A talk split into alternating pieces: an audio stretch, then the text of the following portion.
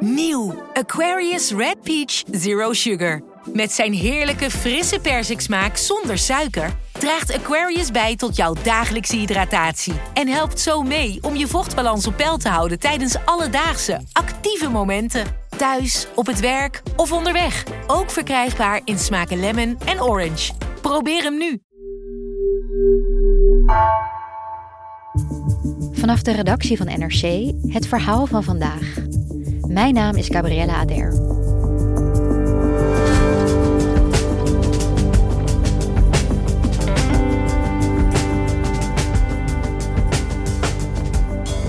Een uitspraak over stikstof van de Raad van State maakt het nog moeilijker om woningen te bouwen. Economieredacteur Sjoerd Klompenaar ziet dat de geitenpaadjes die het kabinet creëerde steeds vaker doodlopen. Wat betekent deze uitspraak voor de 900.000 extra woningen die er zouden komen?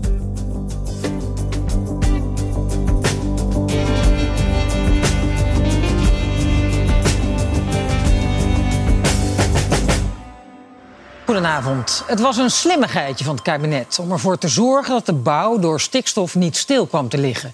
Een speciale regel voor de bouw, daarvoor waren geen stikstofvergunningen nodig. Maar daar zet de Raad van State nu een streep door. En dat heeft enorme gevolgen. Bouwprojecten lopen grote vertraging op. Sinds deze maand is het een stuk moeilijker geworden om eh, te bouwen in Nederland. In de bouw zagen ze dat uh, die uitspraak al aankomen. Desalniettemin is iedereen erg teleurgesteld het wordt namelijk nog veel moeilijker om te bouwen. Dit gaat voor grote problemen zorgen, uh, want we hebben een enorme woningbouwopgave in Nederland. En het wordt maar de vraag of we voor um, ja, de geplande deadline tot en met 2030 die 900.000 woningen kunnen gaan bouwen. Morgen is een belangrijke dag omdat het kabinet dan met een oplossing komt, of in elk geval een aanzet tot een oplossing. Uh, waarmee uiteindelijk die bouw weer moet gaan draaien en moet gaan lopen. En waardoor er hopelijk een begin gemaakt kan worden aan een oplossing voor het stikstofprobleem. De grote vraag is hoe ze dat gaan doen. Want de afgelopen jaren is wel duidelijk geworden dat er vaak is gegrepen naar geitenpaadjes eigenlijk. Hè? Naar soort sluipweggetjes om het juridisch toch mogelijk te maken.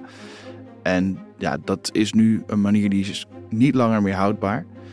Dus er moet echt iets gedaan gaan worden wat de oorzaak van de stikstofuitstoot aanpakt. En niet het gevolg. De tijd van geitenpaadjes, de randjes opzoeken of de rafelrandjes opzoeken is echt voorbij. Het moet snel, het is urgent en het moet onontkoombaar zijn. We moeten echt minder stikstof uitstoten. Dat is de enige route naar een oplossing.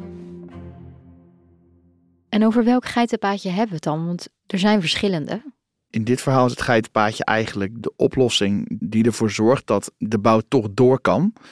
Terwijl er eigenlijk wel degelijk stikstof wordt uitgestoten in die, uh, in, in het, bij het bouwen van woningen of het aanleggen van wegen of bruggen. In dit geval gaat het over de bouwvrijstelling. Die is ingevoerd nadat in 2019 de hoogste bestuursrechter, de Raad van State, al een, ja, streep heeft gehad door het, uh, het PAS, het programma aanpak stikstof. En daardoor kwam de bouw eigenlijk stil te vallen. Daar heeft het kabinet een soort van sluipweggetje op verzonnen. Voor nu bestaat er een bouwvrijstelling. Dat betekent dus dat er bij nieuwe projecten minder kritisch naar stikstofuitstoot wordt uh, gekeken.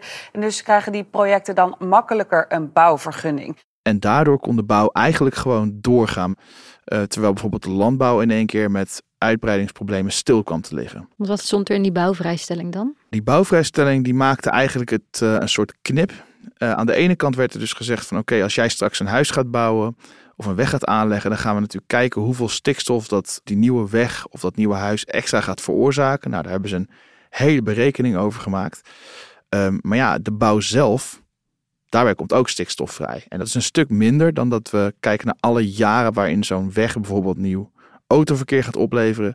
Ja, daar is de aanleg van die weg zelf, zegt uh, de bouw en zegt ook het kabinet, uh, eigenlijk te verwaarlozen. Dus dat doen we ook voor het gemak. Ja, en leg me eventjes uit, als je het hebt over stikstof dat er vrijkomt bij de bouw, waar, waar moet ik dan aan denken? Nou, bij de bouw heb je bijvoorbeeld uh, hijskranen, shovels, betonmolens. Nou, bijvoorbeeld ook de busjes van de aannemers. Er zit allemaal een verbrandingsmotor in. Dus dat gaat vaak op diesel, soms op benzine. En bij die verbrandingsmotor, daar komt de stikstof bij vrij. Als je iets gaat bouwen, dan kost dat dus best wel wat eh, stikstofuitstoot. Dat werd hiervoor niet meegerekend. Inmiddels moet dat dus weer wel.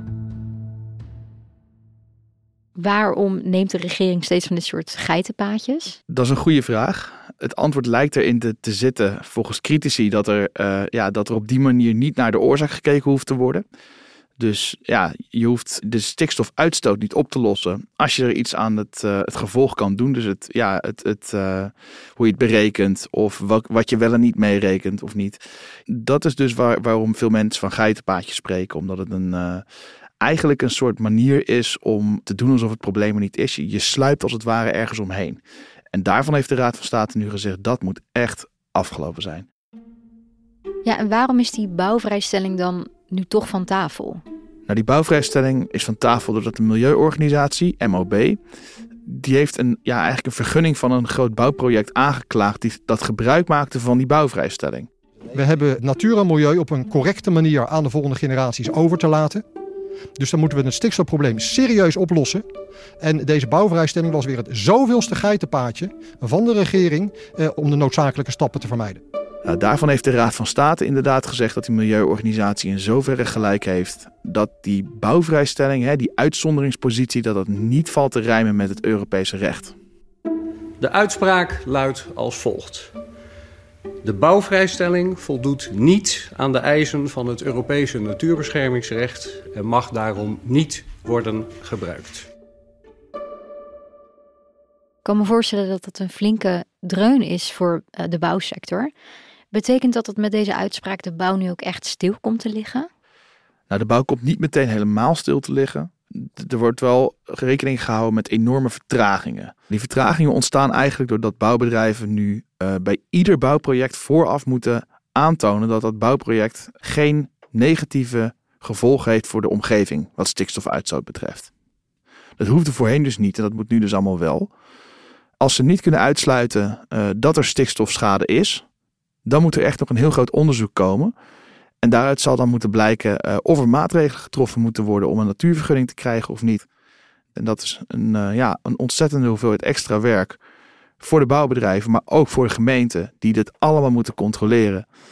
En ja, ook daar zijn forse personeelstekorten. Dus ja. dit, dit gaat zorgen voor grote vertragingen. Ja. ja, het gaat heel lang duren. Stel, je hebt um, een bouwbedrijf en de stikstofuitstoot is te groot. Ze hebben die vergunning niet. Ja, wat kan je dan doen als bouwbedrijf? Nou, wat je als bouwbedrijf kan doen is eigenlijk twee dingen. Je kan natuurlijk zorgen dat jouw eigen stikstofuitstoot helemaal weg is. Dat kan je doen door ja, of uh, alleen nog maar met je handen te gaan werken. Dat is wat zwaar. Duurt ook lang. Duurt ook lang. Uh, en anders kun je gewoon uh, ervoor kiezen om met uh, alleen nog maar elektrisch bouwmateriaal te werken. Dus elektrische hijskranen, elektrische betonmolens, nou noem maar op. Dat kan, alleen het is natuurlijk ontzettend duur en heel veel bouwbedrijven hebben die apparaten nog helemaal niet. En als jij op een bouwproject inschrijft en je moet met nieuwe machines gaan werken, dat kost gewoon ontzettend veel geld. En ben jij een stuk duurder dan een bedrijf dat gewoon met oude machines werkt. Daar zou de overheid, een grote opdrachtgever trouwens, ook iets in kunnen betekenen, zo zegt de bouw. Um, door bijvoorbeeld korting te geven uh, of een voorkeur te geven aan een bedrijf dat met elektrisch materiaal werkt. Om stikstofruimte ja, erbij te krijgen eigenlijk als bouwbedrijf kun je er bijvoorbeeld ook denken aan het uitkopen van een bedrijf wat daar in de buurt zit. Een boer of een fabriek die ook stikstof uitstoot.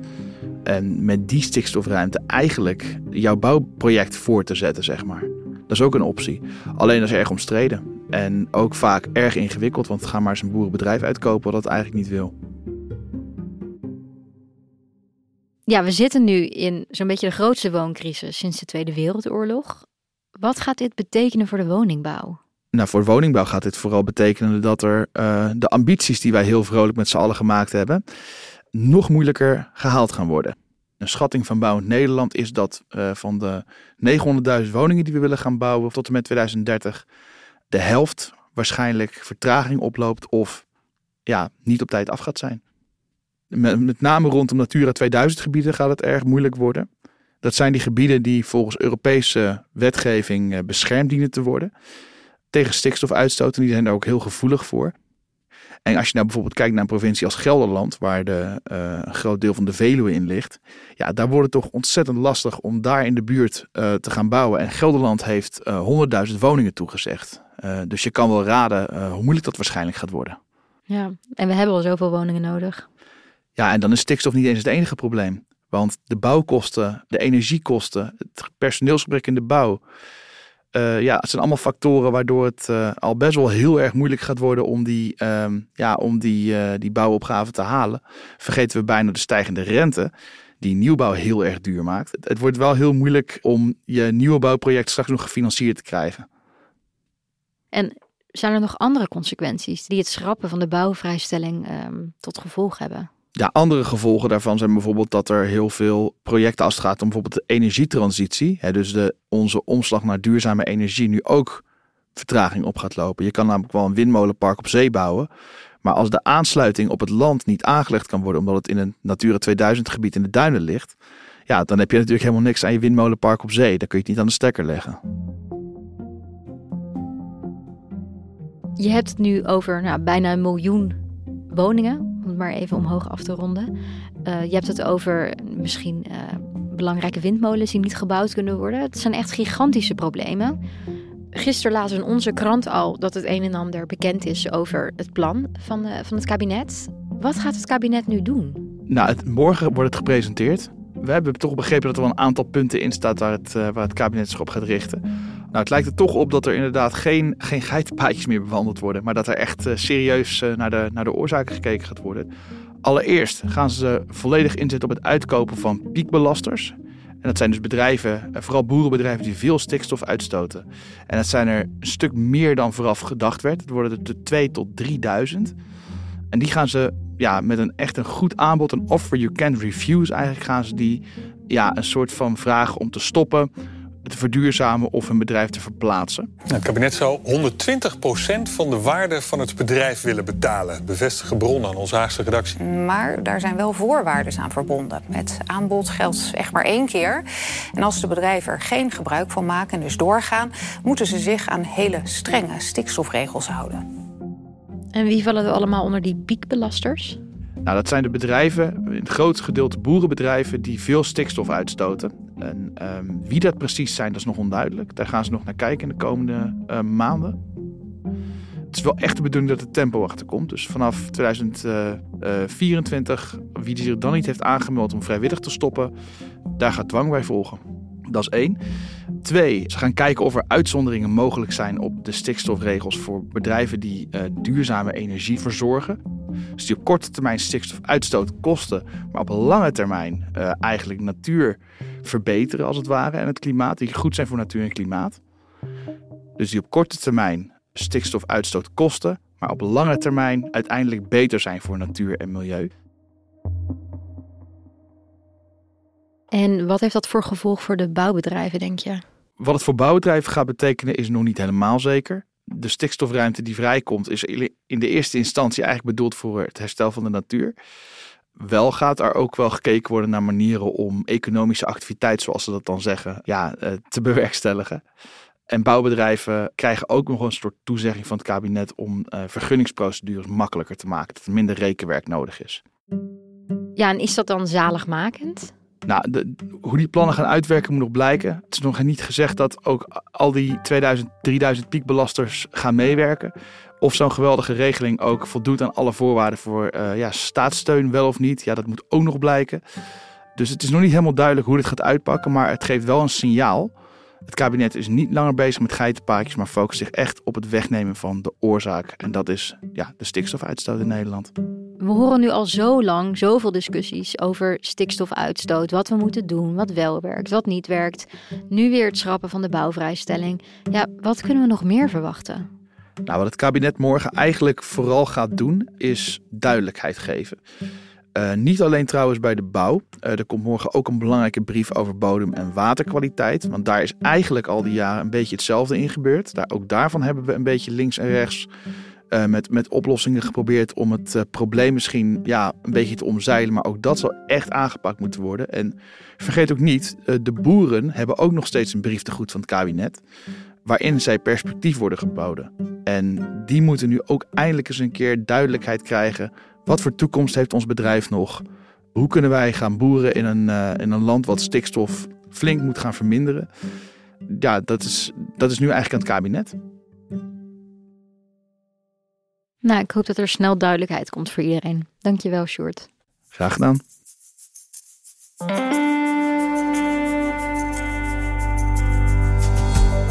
Je luisterde naar vandaag, een podcast van NRC. Eén verhaal, elke dag. Deze aflevering werd gemaakt door Lis Doutsenberg en Marco Raaphorst. Dit was vandaag, morgen weer.